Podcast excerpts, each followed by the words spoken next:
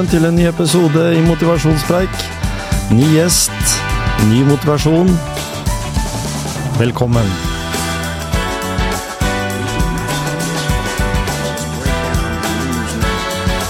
Også denne gangen, eh, som alltid i studio, Tom Kjetil Olsen.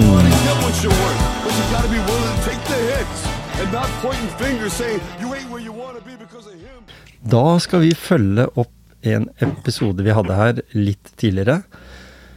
Der jeg snakka med Marie Danielsen. Og du Marie, du poppa opp på telefonen her. Du er jo ikke i studio i dag, men ikke så langt unna heller. Eh, to, to timer lenger eh, sør-øst. Ja.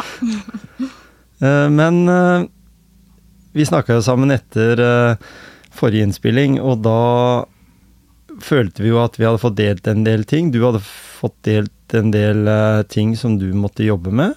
Eh, din eh, motivasjon, eller, eller demotivasjon, ja. og, og sånn. Og så satte vi opp noen mål om at vi hadde lyst til å prøve å komme litt videre på vei med, med de tinga. For du hadde jo stått litt i søla med beina og ikke fått det helt til å funke i en god stund. Mm. Eh, Hvor lang tid var det egentlig, sånn fra du på en måte var fint inni det og syntes det var greit, til eh, du igjen nå eh, er på vei til å komme dit igjen, da? Um, Var det 2019? ja, det var jo i, I 2017 så var jeg jo ganske inni det, og så kom jo Fikk jeg en sånn bråstans i september. Mm. Og så brukte jeg jo da sånn ja, to år da, på å komme meg tilbake. Så i 2019 så var det siste løpet jeg deltok på, og da var det litt trått da også. Eh, og etter 20, så kom jo korona. Eh, Og etter, etter det løpet i, i Danmark i 2019 så har jeg liksom ikke klart å, å stille til noen løp. Så jeg har jo jeg har støtta mange løp, da, for jeg har jo vært eh, påmeldt. Ja. Så, Jeg har vært men, eh, støttemedlem. ja, eh, men det er liksom eh, Og det er ikke sånn at eh, Sånn som mannen i gata ja, som kanskje bare Nei, det her orker jeg ikke. Men det har Det er en sånn motstand der at jeg går i total panikk, og jeg blir bare helt hysterisk. Så Mhm. så bare for å forklare lytterne ja, hvordan, hvordan det er. Det er jo en, det er jo en sånn ja, reaksjons... En sånn angst som kommer. Mm, Og det Så er det jo har eh, Jeg må jobbe mye med å med å overvinne den, da. Mm. og, du, og der har du Det var derfor jeg hadde veldig lyst til å dele denne episoden med lytteren nå. Der har du jo kommet eh, faktisk litt på vei. Du stilte i et løp her om dagen. Ja. Hoppa vi rett uti det, men vi skal, vi skal gå litt nærmere inn på det etter hvert. Men, men litt av den der, fordi jeg er jo kjempeivrig, for jeg syns jo det var en utrolig bra greie, da. At du på en måte fant ut at det, det løpet du egentlig motiv skal motivere deg for å løpe, det er jo om ca. tre uker, Ja. ikke sant? Og da mel- meldte du deg på et løp nå for liksom å Vi prata jo litt om det at det kanskje kunne vært lurt å prøve noe som er litt sånn kamuflert, og som ikke betyr så mye, men som betyr ekstremt mye for deg bare å stå på startstreken. ja. mm. Ja, for det har jeg jo blitt oppfordra til jevnlig også, mm. av eh, det, de på hjemmebane. At eh, bare, bare delta på et lite lokalløp, eller ja, bare for å få kjenne den følelsen. Men mm. eh, det har jo, da kommer den her motstanden. Så selv om det er løp som ikke betyr noen ting, som egentlig er litt sånn eh, eh, sånn helseløp, da Ja, ikke sant? så, så, går, ja, så har det ikke gått. Men så var jeg jo nå hjemme, og så tenkte jeg at eh, jeg kan ikke stille i Oslo, eller tenke at jeg skal klare å stille i Oslo Maraton, som er et så stort løp, uten å få den her panikken. Jeg må, jeg må klare å, um, å få kjenne på det her å stå på startstreken. Mm. Og jeg må, eller å kjenne jeg må klare å komme meg til startstreken. Mm. Så da var jeg jo hjemme nå, og så var det eh, sånne her bedriftsløp. Ja. Eh, og jeg tenkte at nå bare må jeg. Og nøkkelen til at jeg klarte det, det var Det er jo ja, det er jo litt av den at jeg skal delta på Oslo Maraton, og så er, var det at jeg tenkte sier jeg det ikke til noen, at jeg har tenkt tanken om å delta på det her bedriftsløpet, så kommer det ikke til å skje. Så jeg sendte jo da melding til eh, alle venninnene mine og, Ja. og sa at eh, nå skal jeg delta på det her, og hvis dere spør meg klokka sju og hvordan det gikk, så blir det jo litt flaut for meg å si at jeg ikke klarte det. Så, ja, så jeg la liksom enda mer press på meg sjøl, da, at det her, jeg må delta. Og så hadde du med deg en av, en av håper si, eh, supporterne dine. Altså som, Ja. som har støtta deg i tykt og tynt, hvis en kan si Ja. det på den måten. Ja, Eh, mamma var med. Ja, ikke sant? Og, og det hjelper jo det òg, og det er jo også kanskje, som du nevnte, den delen som gjerne vil at du skal gjøre det. Det, var, det må vel ha vært en, en eh, glad mamma òg, som så det at du gikk i mål òg, etter det løpet? Ja. Eh, hun var nok like glad som meg. Ja. Ja. Og syntes at eh, det her endelig, nå er vi, nå er vi i gang igjen. For det, hun har jo alltid vært med på alle løp og vet hvilke forberedelser og alt liksom hva som skal gjøres. Så Mm. ja. Det er det, vet du. Så det er viktig det, også få, også få med seg heiagjengen også på dette her.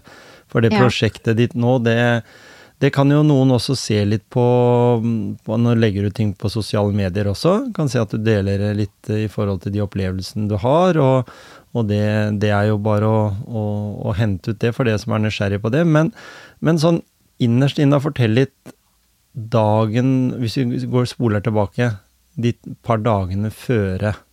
Hadde, hadde du vært hjemme hele uka, eller hadde du kommet uh, til Skien da et par dager? Hadde det vært sånn at du satt inn i Oslo og, og tygde på den karamellen? Eller den ikke-karamellen, men hva skal en kalle det?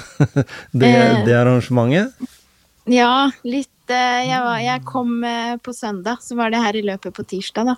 Eh, men da så jeg som at det var et løp, og tenkte at det burde jeg delta på. Mm. Men sa det ikke til noen, og visste litt innerst inne at det kommer ikke til å bli noe av. Nei, men ja.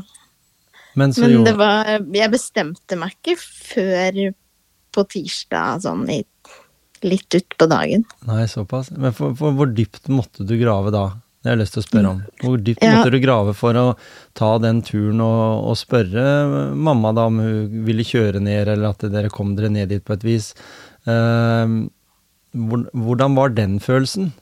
Var den, var den veldig sånn? Hvor, hvor høy puls hadde du når du da satt i bilen? For jeg tenker at den situasjonen er jo ikke bare at du eh, har meldt deg på og, og, og så kommet så langt som til startstreken, og så, så løpt motsatt vei. Du har jo på en måte nesten blitt med på noe, og så droppa det. Hadde du høy hvilepuls? Nei, den pulsen var innmari høy. Ja, det er det jeg mener. ja, og så mye som jeg Jeg sa det her gidder jeg ikke. Hvorfor, hvorfor setter jeg meg i en sånn situasjon, og hvorfor Mm. vil jeg meg selv så vondt? Og jeg kan bare Jeg kan jo bare droppe det, og ja. Prøvde å liksom finne alle mulige unnskyldninger for å ikke bli med. Mm. Men så er det liksom den Jeg vil jo, jeg vil jo klare det. Det er jo det her jeg vil. Og jeg Mhm. vil jo oppleve å, å klare det. Mm, og den mestringsfølelsen du da fikk, det må jeg få høre, altså, og lytterne våre er sikkert interessert i det. Hvordan var den mestringsfølelsen idet du kom i mål? Du hadde, Det- du hadde gjort en bragd, den var like viktig for deg som O- en OL-deltakelse, hvis en skal si det sånn, eller VM. Ja, det, selv om det er et lite løp, så mm. var det Og jeg var litt sånn, jeg skal bare gjennomføre, jeg skal klare å løpe det løpet her. Så resultatet hadde ikke noe å si for meg, selv om det er jo også en del av frykten å mm. komme sist. Ja. Eh, Men den, når jeg kom i mål eh, og jeg får litt, jeg får litt sånn eh, gåsehud når jeg sier det, men den, å, den det er sånn, Jeg kan ikke beskrive det engang. Det var så godt. Bare Mm. komme over målstreken. Bare herlighet. Alt det jeg har vært redd for. Og så Jeg klarte det. Det var jo det første jeg sa også. Mm. Jeg klarte det. Ja. Og, og det var mange jeg har på en måte snakka med, da, som, som også sier det at eh, altså, du, du sa det jo sjøl, du nedsnakka det arrangementet, men for deg så var det som sagt et ekstremt viktig veiskille i forhold til den eh, mestringsfølelsen, og hva du på en måte er i stand til å gjøre framover.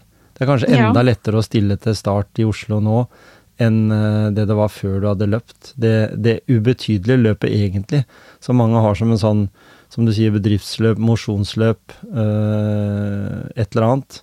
Så, så, så betydde det utrolig mye. Og jeg vet at det, disse løpa betyr mye for flere der. Altså det er flere, vet jeg, som, som har løpt eller som ikke har løpt i hele sitt liv, som bruker de løpa der som en sånn motivasjon for å se at det, det funker. For det er liksom ikke Det er som du sier, det er lavterskel. Eh, det er ikke noen som eh, står som he svære he- heiagjenger langs løypa. Det er liksom for å bare løpe for å eh, kjempe mot egne tider, da. Ja. Og, da, og da tenker jeg det du Og det selv om du sier det at det er jo ikke det som betyr noe, så var du vel den eneste jenta jeg kunne se blant de første der? Eh, ja, jeg vant jo dameklassen. Ja, ikke sant? Så det var jo litt godt, det også, for jeg er jo ikke den største og beste troa på meg sjøl. Um, men nå fikk jeg litt den at ja, jeg klarer jo faktisk. Jeg er jo Jeg klarer jo faktisk å løpe. Mm. Da, da, det ga en sånn mersmak på å fortsette. Mm. I og med det at det helt sikkert var Og jeg vet jo at du løp faktisk, som jeg kunne se på resultatlista, så kom du føre Ånund Olsen òg. Han hater Ja. jo å tape. Ja, og han, han eh, løper jeg forbi eh, Ja, for de som kjenner løypa, så hadde vi passert skibakken. Ja, ikke sant? Og så skulle oppover. Så jeg feilberegna jo løypa også, ja, så da ble det jo utrolig hardt. Så akkurat da jeg løp forbi han, så Mhm. ble det jo oppover, og da tenkte jeg nå tar han meg igjen. Men eh, det klarte han ikke. Nei, og Ånund han er jo en sånn person Han var vel en av de første som kom bort og hilste på deg, husker jeg, den gang du begynte i Gjerpen. Ja. For han er en sånn som liksom eh, ikke Han står liksom ikke i bakgrunnen og ikke gjør seg bemerka. Han, han er jo mye som person, eh, på positivt vis. så, og jeg har jo hatt med han i podkasten her flere ganger også, så, så det er ikke noe å si på det. Og han er jo en sånn veldig treningsaktiv eh, fyr. Hvis ingen vet hvem han er, så er han jo den som er på Vitapro-reklamen, bare for å nevne det, da. ja. Men, men uansett, da, så er det jo litt moro det, den prosessen du har vært igjennom. Jeg syns jo det. Jeg ble litt Ikke stolt på egne vegne, men jeg ble stolt over, eh, over deg sånn i forhold til den prestasjonen i etterkant av den praten vi hadde. Fordi det Ja. blei motiverende for meg å også tenke at eh, jeg, Ikke det at det, det aleine hadde noe å si, men at motivasjonspreik pusha deg litt ekstra også. Eh, til å gjøre noen av de tinga vi snakka om. Eh, formidle dette til mange andre. eh, gjøre det litt større. Eh, kanskje neste gang så gjør det enda større, sånn at du er enda mer forplikta, føler du. Du, du snakka jo om det sjøl òg. Formidler han det i sosiale kanaler, at han har gjort eller har tenkt å gjøre det, så, så er det litt vanskeligere å la være. ja. Og du brukte venninnene dine i det tilfellet der. Ja, for det har jo Det er jo en helt annen historie, men jeg har jo jeg har ikke hatt så god kontakt med eh, omverdenen på eh, ganske mange år. Nei. Og så skjedde det noe Skjedde det noe i sommer, da, eller valget jeg har tatt, som eh, eh, har fått enda Har fått tilbake kontakten med alle igjen. Mm. Eh, og da For jeg, eh, jeg er En av mine dårlige egenskaper er at jeg skal fikse ting sjøl, og da skyver jeg folk unna. Mhm. eh, og bygger opp de største og tetteste murene så ingen kommer inn. Um, og så har jo jeg da tenkt at nå er alt for seint, for jeg har jo skyvd alle unna. Men det har jo Greia er jo at de alltid har stått og venta på meg. Mhm. Eh, og det er alle sånne tilbakemeldinger jeg har fått nå i det siste, alle fine meldinger, det at de bare senser at ting ikke er helt greit den ene dagen, og tar meg med ut på tur og Ja. Så det, det gir meg motiv motivasjon, da, at mm. vite at jeg har den fine venninnegjengen som jeg har.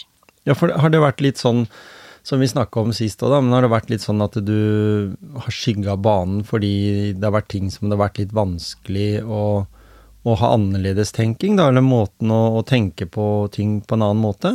At du, at du er en person, og det er mange, mange mennesker som er sånn, er du en person som har utrolig store forventninger over egne prestasjoner. Enten det er jobb, enten det er eh, privatliv, løping, alle de, alle de tingene. Er det, er det litt sånn? Ja.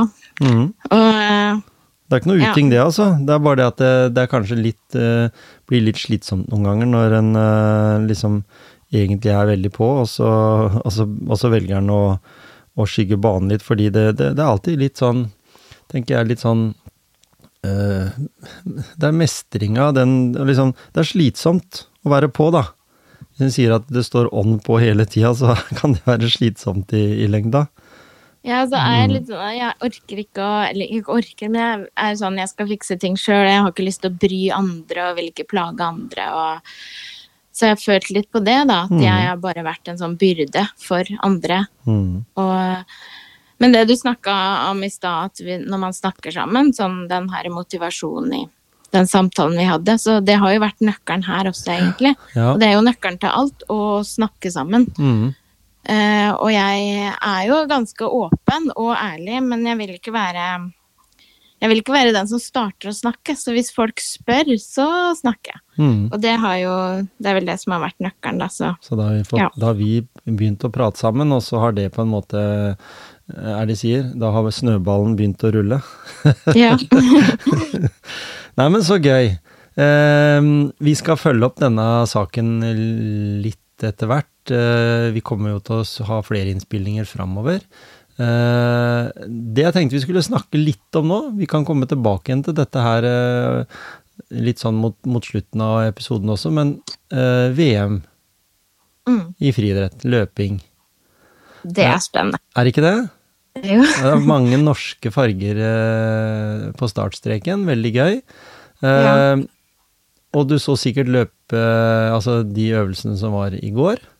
Mm, At eh, den som da antatt var den beste og som burde ha vunnet, tar sølv. Altså sølv var nederlag for en. ja. Eh, Jakob Ingebrigtsen som var vunnet og cruisa gjennom hele der, eh, hadde kanskje godt av å få en sånn liten en på, på nesa, jeg vet ikke. Men, men uansett så ser vi jo der hvor mye mentalt eh, Altså være helt på, på, på topp mentalt har å si. Mm. I et forholdsvis kort jo- løp som 1500 meter, liksom, så er det et ganske kort løp, men allikevel utrolig mye som går gjennom huet på de som løper der. Ja. Eh, Det virka jo som det også Eller sånn som han sa, da, så var kjente han jo liksom litt på formen på Mm. forhånd, at det var ikke helt på topp. Nei. Mange av de journalistene vil jo gjerne grave i det. Hva var årsaken til at han tok sølv og ikke gull? Eh, og hva var årsaken til at han eh, andre norske bare lå 300-deler eller noe sånn bak eh, sølvmedaljen? Eh, og så kan vi begynne å diskutere treningsopplegg og mental eh, fokus osv. Jeg syns det lyste tydelig i øynene på han engelskmannen, selv om han hadde solbriller på, at han skulle slå han. For enhver pris. Ja. Han hadde liksom, mens, mens andre, altså og journalistene og de som kommenterer, sier at ja, kanskje det var det at han hadde i hodet at han skulle løpe 5000 meter òg, og ok, er det sånn vi tenker jo ikke sånn? Altså et gull i favorittdistansene er jo det aller, aller, aller viktigste. Det er jo ikke viktig å liksom spare seg.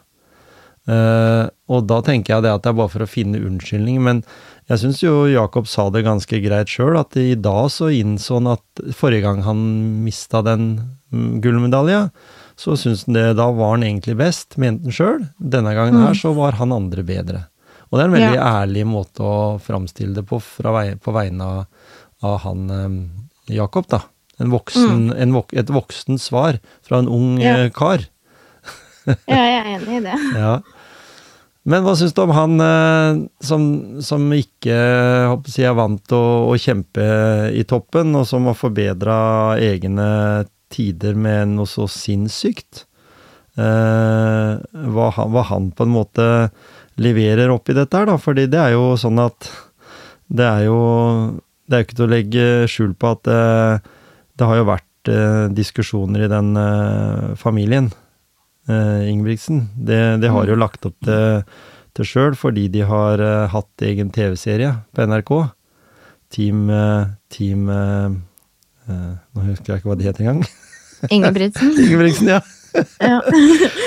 uh, og det er jo litt artig, da, fordi det er jo flere av de utøverne nå som har kjempa i toppen der, som har hatt den serien som en motivasjon til å bli bedre. Mm. Og jeg tenker på bronsevinneren på, på 1500, eh, Narve, som, går, som har blitt trent av pappaen til eh, Jakob. ja. Og jeg har jo sett den serien, og jeg har jo sett hvordan han, eh, faren Gjert, har gjort dette her. Og jeg syns at løpsopplegget til han eh, Narve var veldig likt det jeg så eh, Philip og Jakob og Henrik hadde når de var et team, da. Ligge litt bak, øh, se hvordan øh, ting øh, foregår framover i løpet. Ligge liksom litt i hvileposisjon, og så bare øke på etter hvert. Mens ja, man så jo den, den innspurten hans. Sant? Der var Ja. han jo ganske god. Ikke sant? Mm. Mens når det blir sånn at du ligger der framme, da, sånn som Jakob gjorde, og, og sånn fordi resten av gruppa vet at Jakob, som er den beste, han ryker hvis eh, vi bare løper seint nok. For da, da får ikke han opp den motoren, da. Mm. Så planlagt kan det være, rett og slett, at alle teama rundt liksom finner ut at pakka pakker vi han godt inn, så kommer han ikke fram. Altså det er mange, mye taktikk også, uten at de landa i seg sjøl setter seg ned og prater sammen. Så, så blir det jo litt sånn at de tenker i de samme bane. Hva skal til for at jeg skal vinne? Mm. Det er som Petter Northug når han stilte til start. Alle visste jo det at hvis Petter Northug lå sånn på 10., 12., 13. plass, og det var eh, fem kilometer igjen, så vil han vinne. Uansett. Uansett. For han, det var ingen som kunne ta han i spurten. Uansett.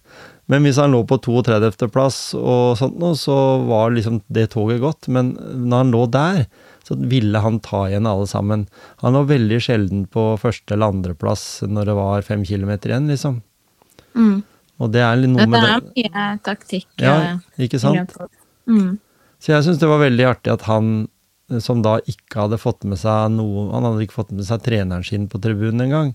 Gjør Nei. en sånn såpass bra prestasjon uh, som å ta en uh, bronsemedalje. Den var som gull for han. Ja. Vi snakker jo om VM, tross alt. Vi snakker jo om at du er den tredje beste i verden eh, Ja. under VM, og det, Og da, det er stort. Det er veldig stort. Og da er det jo fint å se at han også setter så pris på det, da. Mm, absolutt. Og ikke er som meg, som blir skuffa over Nei, men det er lov å være skuffa, men, men tenker du litt etter det? Hvis du liksom er i et løp og du, du ikke gjør det bra, så, så blir du skuffa, men så kommer det vel fram noen sånne tanker om at det, Nei, det var jo egentlig ganske bra. Jeg løp jo så godt jeg kunne. Ja, nå, nå i ettertid, når jeg ser de, de resultatene og plasseringene, Mm. så blir jeg litt sånn Hvorfor var jeg ikke mer stolt og fornøyd Mm. over eh, For det var jo Det er jo det, ja, det løpet i Det siste løpet i Danmark det, Og det høres så teit å si det her, men jeg, jeg vant jo. Men jeg var jo ikke fornøyd. Nei. Altså, hvordan, hvordan Hvordan går det an å gjøre noe bedre enn å vinne? Ja. Det, det, ja. Det, Nei, men det er liksom litt den der greia, da. La, la oss si dette her blir jo noe helt annet, men, men la oss si at du kjøper en uh, ting på nettet, da, som du har veldig lyst til å ha. Så får du den hjem i posten, og så pakker du den opp, og så ja, så fint, der var den, og så bestiller man en ny ting, og så kommer en ny ting som man har ønska seg, altså, ja, der var den, ja, så legger du den på samme bordet, og sånt, så, så har det egentlig ikke den betydningen. Det er liksom den forberedelsen føre den derre der forventninga fram mot start. mm. Og så vet du egentlig innerst inne sånn i underbevisstheten at, eh, at jeg kan nok greie å vinne dette her hvis jeg løper sånn og sånn og legger litt taktikk rundt det. Eh, mm, og så da når det kommer etterpå, så ja ja, dette regner jeg jo med. Og det blir litt sånn at dette bet- betydde ikke så mye. Men når du nå tenker på det du har vært igjennom fram til nå, Mm. da, og du stiller i et eh, bedriftsløp, så tenker jeg at eh, da har du kommet så langt som at du kan, og det har du gjort òg, sette deg ned og se på de resultatene du har gjort, og, og på en måte oppjustere de litt i den her, eh, på den CV-en din, da.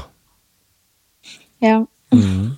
For det er, jo, det, er jo, det er jo prestasjoner som ligger langt over menig mann sånn i utgangspunktet. Det krever mange treningstimer, og det krever, krever mye fokus både før, under, spe, eller spesielt før og under, da, men også etterpå, sånn som du sier, som betydninga av det ikke var til stede. Mm. Men som nå, da, en, en, en tid etterpå, altså vi snakker om eh, fire år, så, så begynner det å bety noe. Begynner å bli stolt av egne prestasjoner, liksom. Ja. ja, Mm. for der man er litt sånn inni bobla også. Ja. og det som jeg har endra på, som jeg ikke gjorde før, som jeg gjør nå, det er jo å være eh, Være mer sosial.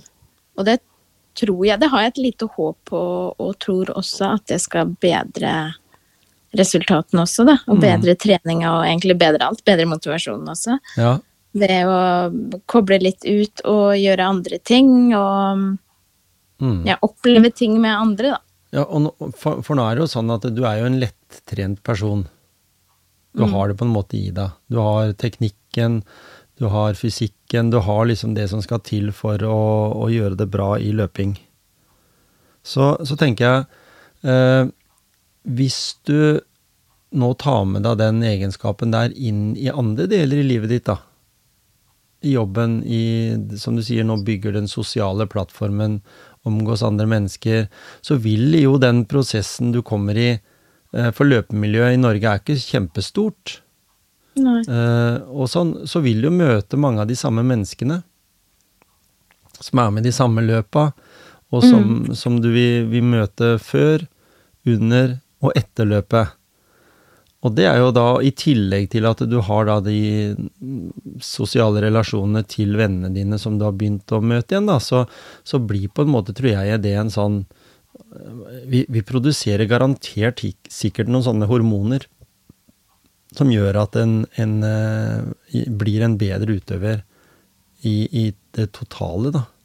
Altså, da tenker jeg utøveren Marie som, som blir bedre mm, i læ- lærejobben, blir bedre i, i sosiale gjengen, eh, løper bedre, utvikler kanskje noen teknikker, for det er jo noe med den der motivasjonen også som, som gjør at du på en måte eh, får deg de beste skoa, eh, løper eh, med den teknikken som, som er best for deg, eh, og så utvikler det, for det, det er jo aldri for seint. Du kan alltid finne metoder som, som gjør at du, du får de der små dryppa da, som, som gir deg ekstra motivasjon til å yte. Du vet du kan vinne med den kapasiteten du har nå, men med hvor mye, for å si det på den måten, da. Og det er det eneste du kan gjøre noe med, fordi du vet at du, du kan levere gode resultater hvis bare huet er med. Ja. Mm. Og det det er rart med det, hvor mye liksom bare Hvor mye energi da, som, og motivasjon det, de venninnene mine gir meg. Mm. Det er mye å si. Ja. Karsten Warholm han eh, ble verdensmester for tredje gang i VM nå. ja. Det er Det utrolig å er- se en sånn person som han, som jeg sa det til kona, han kunne jo spilt liksom alt ifra James Bond som skuespiller til å ha vært eh, predikant i et eh, i et misjons... eh, eller sånn kor. han ser jo liksom ut som, som snillheten sjøl, men han er jo kul og tøff og liksom utrolig godt trent, og slår jo da eh, de som har hatt klippekort på dette her, og vinner da sitt tredje VM. ja. Det eneste han ikke har vunnet, det var vel fordi han var skada, eller hva det var. Det var et, i hvert fall det, det forrige, som han var skikkelig skada og ikke hadde fått trent ordentlig. Men han stilte jo, men alle så jo det at det, det er, marginene er små i den idretten der. Mm. Jeg husker en gang ja. Det er imponerende, altså. Ja, det er det. Og jeg husker en gang, eh, jeg har kanskje nevnt det også, men jeg kan ikke nevne det for mange ganger, for jeg faktisk nevnte det for en jeg eh, hadde kaffe med i dag, eh, og, og det var det at eh, når vi ser da at han eh, lå 300 deler bak Jakob Ingebrigtsen på 1500 meter, så husker jeg en sa en gang at eh, forskjellen mellom Jeg måtte skaffe en, eh, en sprinter, da, som på sin tid var i norgestoppen, eh, et Nike-sko istedenfor å løpe med Puma, fordi alle de andre store sprinterne løp med Nike. Og da, da sier jeg hvorfor, ikke, hvorfor vil han ikke velge det han kunne få fra forbundet, for da fikk han utstyret.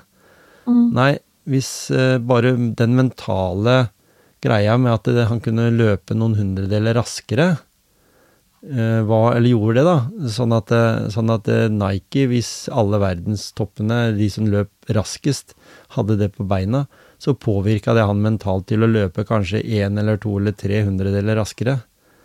Og det kan være forskjellen fra første til fjerde. I en, i en 100 meter, for eksempel. Ja, for det er så lite som skal til. Mm. De mm. Så det at du får da et treningsopplegg eh, som han eh, Narve fikk, som, som en vet har funka for andre, eh, er nok til å gjøre han fra en eh, Jeg leste om det, han hadde vel jobb Eller de hadde gård, og så, og så hadde han jobb, hadde ekstrajobb på løpelabbet. Eh, Så han eh, var jo jobba ganske mye, han altså, så da fikk han ikke så mye tid til å ha fokus på trening. Mm. slutt å jobbe, sa Gjert, og, og, og slutt å ha ansvar på gården. Du må ut og trene isteden, og når det skjedde, så blei en bare bedre og bedre. Så det har med fokus, eh, mental styrke, ha trua på seg sjøl og det en er satt inn i, da. Eksempel da en, en type trening, et treningsopplegg. Eh, og så bli ganske dedikert, for det også er jo viktig. Du må være dedikert, ha fokus på, på det du skal levere i alle treningstimene, enten det regner eller snør eller, eller eh, sola skinner. Ja. Ja, for det er jo sånn Hvis det regner, så kan man tenke nei, jeg tar den økta i morgen, men da Mm. blir man ikke best. Nei. Og det er nok av de som blir nest best bare fordi de dropper å trene i, i dårlig vær. Jeg skal heller ta en dobbeltøkt i morgen, liksom. Det, de sier ikke noen ting om det. Jeg har lest en del og hørt en del om, på podkaster som snakker om body battery, og det er jo viktigere og viktigere i forhold til en trenings... eh, hvordan er kroppen nå mottakelig for den treningsøkta jeg nå skal begi meg ut på? Mm. Og Der har Garmin kommet med et fantastisk fint opplegg som vi sikkert kan prate mer om en annen gang, men det gjør at vi vet at i morges, eller i, i dag, så er det ikke noe vits i for meg å ta den hardøkta fordi batteriet mitt er litt flatt i dag. Eh, og kanskje i løpet av da, neste dag så ser han at den er helt på topp, og da tar han økta og får mye mer utbytte av det. da. Det er sånne små detaljer som ikke er så viktig for en mosjonist som meg, men som kanskje er veldig viktig for de som, som har behov for å levere resultater. Ja, og så kjenner man jo, når man er så høyt oppe, så kjenner man jo sin egen kropp Mm. Med, ganske godt. Og Ja. jeg blir litt sånn Noen ganger så har jeg glemt eh, pulsklokka og blir så irritert. Men allikevel så klarer jeg å, å styre intensiteten riktig, fordi jeg kjenner kroppen min såpass godt. Mm. Så det er ikke nødvendig egentlig å Altså, prøv å trene både med og uten klokke, er vel eh, egentlig det, det som er viktig da. Mm. Teste ut det sjøl. Hvor mye viktig Jeg vet jo en del løpere som jeg følger på, på sosiale medier og sånn, sier at i dag lot jeg pulsklokka ligge hjemme. Og, Ja. bare, og bare løp. og sånn, og det er litt interessant det der, at den på en måte Vi tilbake igjen til kan vi si, til vår analoge hverdag, da. Den hverdagen der, i, der en sjøl måtte egentlig være ansvarlig for egne handlinger, på en måte. Og vite at en eh, Hvor eh, grenseverdiene lå og sånn, i forhold til å ikke gå på en smell, da. Og går man på en smell, så må man bare finne strategier for å komme ut av det. Ja. Ja, hva blir planene framover? Hvordan er treningsopplegget ditt framover mot uh, 16. september, var det ikke det? Jo. Ja, eh, da Det er jo å få en del mengde i beina. Mhm. eh, en del eh, mil i beina.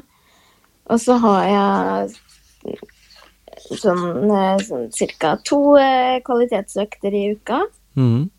Og så siste, siste uka så blir det mer at jeg trapper litt ned på hardøktene. For å samle overskudd og energi, ja. Ja. Mm. Og jeg har alltid en sånn eh, eh, Før konkurranser så har jeg alltid eh, sånn bakkedrag. Ja. Det har pleid å funke for meg, da. Da får Mm. jeg liksom vekt muskulaturen. Ja, men det er ikke dumt. Eh, Det løpet, Oslo Maraton, er det bare asfalt, det? Ja. Ja, ikke sant? Så da er det jo viktig også å kunne håndtere underlaget. Ja. At ikke det er sånn terrengløp, og så Eller en løper mye i terrenget, og så skal en ut og løpe på asfalt. Det er ganske, ganske heftig, det. Ja, nei, det er, det er litt dumt. Så hvis man, man må løpe på Man må trene på det man skal eh, møte. Mm, ikke sant? Du, så de mila du må ha nå i, i kroppen og i beina, de må du ha på asfalt. Ja. Mm, ikke sant? Og så er det jo ikke sånn at jeg har bare starta Siden vi snakka sist, at jeg starta treningsopplegget. Jeg har jo hatt treningsopplegg lenge. Så det er jo ikke sånn at Eller man kan jo det også, plutselig bestemme seg nå for å melde seg på, men eh, og ikke ha mila i beina, men det er ikke særlig smart, da. Nei, må det. Jeg, jeg sier for min del, jeg skal jo løpe den her um, Skogvokteren Ultra 4. mai neste år, og jeg har jo begynt nå. Det er Ja. lenge til, men jeg må nødt til å begynne nå. Jeg har jo ikke vært spesielt flink på å løpe. Jeg har jo mest vært uh, på sykkel og rulleski og sånn. Men eh, har jo begynt nå å ta meg noen, kil noen kilometer eh, hver dag for å få det, og så øke intensiteten etter hvert. Jeg merker jo det at mentalt for meg så sliter jeg litt med det at eh, jeg jo på en og en halv time kan sykle ganske mange mil på sykkel, mens jeg nå på en og en halv time ikke rekker så mange mil på beina. Nei. Så det blir litt, bort, blir bortskjemt på distanse. Det, det merker jeg. Så det er, det er Ja. veldig dumt. Det, kan jeg, det vil jeg i hvert fall ikke anbefale til noen som har ambisjoner innenfor løping, og da må, da må det heller bli en restitusjonsøkt, det å sitte på en sykkel, liksom. Men, men at en heller eh, har fokus på løpetrening og kjenne, og så får den mengdetreninga, da. Så den Skogvokteren Ultra er jo noe som går både på asfalt og på, i skog og fjell og motbakke og alt.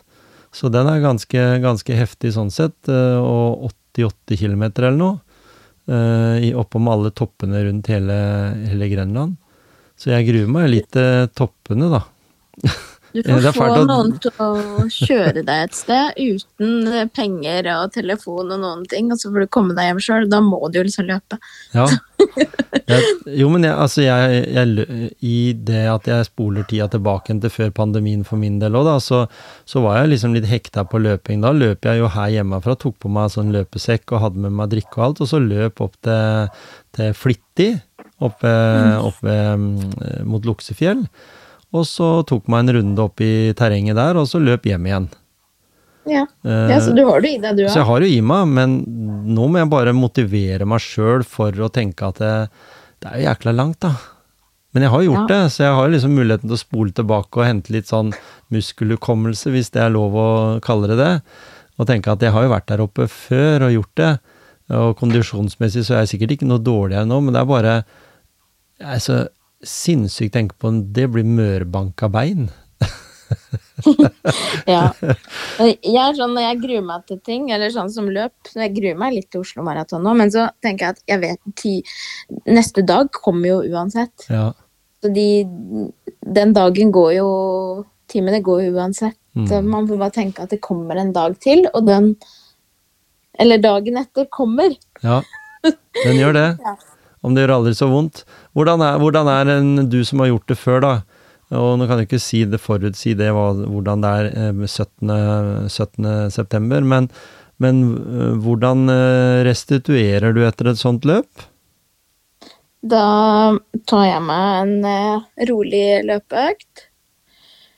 For det ja, Beina blir jo litt rastløse. Mm. Ja. Og det er deilig å bare få rista litt ut Mhm. av eh, musklene også. Ja. Så det, det er en viktig eh, sak, det å ta seg den der løpeturen etterpå, bare for å kjenne at eh, systemet egentlig er der, men den er støl og, og stiv etter, etter løpet. Mm, Det blir den uansett, når en løper en så, et såpass langt løp, da. ja. Så det er imponerende å lese om noen som løper en maraton eh, hver dag en hel uke. Det er Ja, heftig. nei, det, det har jeg ikke tid til, jeg. Nei, ikke sant? Da er det mat og spising, og så hva, hva har du med deg i sekken for å få næring på et sånt løp? Eh, Maraton? Ja, Nei, jeg har eh, Jeg bare drikker underveis. ja, for det er mange ting, og hvis du trenger noe ekstra, så er det drikkestasjoner på veien. Ja. Jeg pleier ikke å ha med meg noe. Nei, Du bør ikke ha med så mye vann heller, fordi det er drikkestasjoner med ulik form for drikke òg, eller? Ja. Det er alltid vann og saft, og så har de vel noe sånn kaffe og cola eller noe på det siste stasjonen. Mm. Men uh, ja, jeg er bare opptatt av å komme meg i mål, jeg, så jeg Ja. Det er jo sånn, vet du, det har jeg snakka med han Ånund som vi nevnte her tidligere, og han sa det at eh, det er ikke nødvendig å drasse på for mye, egentlig. Eh, hvis det er drikkestasjoner, så bruk de. Eh, hvis en skulle ha behov for væske. Eh, men at du egentlig ikke på en, et sånt løp engang, som, som en løper på, på noen timer, da, ikke behøver å ha så veldig mye næring heller. Det bare forstyrrer hele balansen i kroppen, du kan jo bli eh, få diaré omtrent, hvis en skal si det på den måten. Ja. Fordi hvis en løper i hvert fall på hardt underlag og kroppen får litt juling, da. eh, I motsetning til sykling, som på en måte er ganske så harmløst for kroppen. Sånn sett. I hvert fall, i hvert fall de indre organer. mm. Mm. Og hvis man skal ha ernæring, så må man ha øvd på det. Mm. På treningsturer Mm. med ulike Ja, det er jo mange som bare kjøper gel og, og, og barer og har det med på sjølve konkurransen og ikke har øvd på det før. Det, det er veldig dumt. Mm. Så jeg tror det at når jeg skal løpe Skogvokteren Ultra, så skal jeg ha med meg det riktige jeg må ha med meg. Altså i den, i den sekken jeg må ha med, altså sånn, eller sånn vest med, med, med sekk, da, så må jeg ha med meg det som er absolutt mest nødvendig, Men som du sier, også øve litt på at mm, magen min og kroppen min tåler de gellene, da, som er egentlig veldig lettvint å ha. Eh, og blande litt eh, ekstra god eh, næringsdrikk, eller sånn som, som har mye næring eh, også, sånn at jeg får i meg litt kalorier på en såpass lang økt som det der kommer til å være. Sikkert 15 timer. 14-15 timer, kanskje. Ja, så da må du jo ha med deg Da må du ha litt på veien. næring. Mm. Så er det ikke lurt å ta en pølse på, på veien, liksom på ben, innom bensinstasjonen og sånn, fordi det tror jeg ville kjent av det gulpa den uh, ketsjupen, eller hva det er. Ja. Oh, ja. Så hol- holde seg til det enkle og det, det næringsrike og det som er. Og så, som andre jeg har snakka med også sier, i forhold til løp, så er det det å spise nokså normalt de dagene foran også, før også. Ikke prøv på Ja. noe, ikke prøv på noe, eh, noe spennende italienske gryter, liksom, akkurat dagen før. Nei, ikke begynn å eksperimentere. Og ikke noe sånn chili con carne eller noe sånt. Nei. ikke det. Ikke sant? Hold deg unna bønner, liksom. Men Ja. å, å spise pasta, lasagne er det noen som sier, eh, hvis den er mild og, og fin, eh, ikke altfor krydra mat og sånn, hold seg til det, det enkle. Mm. Det enkle er ofte det beste, sånn er mange som sier. Mer enn Ja. bare Rema 1000. Nei, men da har vi fått uh, snakka litt grann om det, og i tillegg så var det jo som sagt, eh, er det lov å si, dritgøy på, på lufta. Det var veldig gøy at du fikk til det å stille til start. Ja, ja Mm. det, det var sånn der jeg var jo kommentator når jeg kom i mål. Altså, mamma, Mm. hvordan føltes det, eller hva føler du nå? Mm. Så det var sånn Jeg klarer ikke å føle noe akkurat nå, men akkurat nå, i dag, eh, så kjenner jeg på at eh, ja, jeg er, jeg er stolt over meg sjøl at jeg klarte å komme til start. Mm. Ja. Det, og det var det viktigste. Selv om, Ja, du, selv om, du, vant, selv om du vant dameklassen også, så, så var ikke det resultatet i seg sjøl så viktig. Det viktigste var å starte. Ja. Mm. Jeg tenker ikke, og jeg visste ikke at jeg hadde vunnet heller, jeg, før lenge etterpå. Nei. Eh, Men det er liksom Det, det betyr ikke noe. Det, det som betyr noe, er å har kommet et steg på veien og vunnet over den der eh, frykten som alltid sitter i. Mm. Så nå er jo da nøkkelen å ikke la det gå for lang tid mellom neste konkurranse, og det er det jo ikke. Det er jo ikke lenge til det. Nei, ikke sant? Eh, Så tenker jeg jo bare å la å fortsette, sånn at jeg kommer dit jeg en gang var. Mm. Og, da, og, og for, å, for, å, på en måte viderebygge på motivasjonen til de lytterne da, som har blitt eh, glad i å høre på den veien du har gått, og som, som tenker litt sånn at eh, da kan jeg også få det til. Eh, mm. De kan jo bare følge. Vi, vi, vi, kommer nok til å prøve å ha en innspilling til før eh, du stiller i Oslo. Og definitivt en innspilling når du har eh, fullført. Så nå har jo du på en måte lagt lista der, eh, Marie. Med tanke ja. på å stille, for det er vel kjedelig å komme til å si at eh, nei, jeg løper ikke, jeg. Ja, nei, det, det, det, var jo også derfor jeg sendte melding til alle på tirsdag. Ikke sant? at jeg skulle stille, for det er jo kjedelig å si nei, jeg gjorde det ikke. Men nå skal jeg. Det som kan stoppe meg nå for å ikke stille, det er jo at uh, jeg er jo kløna sjøl, jeg, vet du. Så det, jeg, hvis jeg tryner eller et eller annet sånt. Ja, ja, ikke sant. Det er det eneste som kan stoppe meg. Ja. Men det skal jeg passe på ikke skjer. Kan ha en plastlapp i panna og løpe maraton. så har vi mange lyttere, vet du. Motivasjonspreik, de eh, følger deg, og, og, vi kommer helt sikkert til å få noen eh, tilbakemeldinger underveis. Og, og, kan vi gjennom dette temaet og denne, denne føljetongen her, kan vi kalle det, mm. eh, motivere noen, så må de gjerne også bare sende meldinger. Eh, det er jo ofte at den er litt treig på det, for podkaster er liksom sånn jeg lytter på det der og da, eh, og så tenker du en del etterpå, og så har du lyst til å si noe, men den gjør det ikke. Eh, bare å sende meldinger til oss eh, hvis det er noe de har lyst til å Eh, at vi skal snakke mer om. Men uh, først og fremst uh, så var det viktig nå å få landa den prosessen din. Første del i, i del én av Marie og Tom Kjetils preik. Mm. Mm. Veldig bra, Marie. Du får ha en fin treningstid fram mot Oslo Maraton, og så skal vi se om ikke vi kan lage en liten Eh, prat eller en liten preik før, før du stiller til start der. Ja,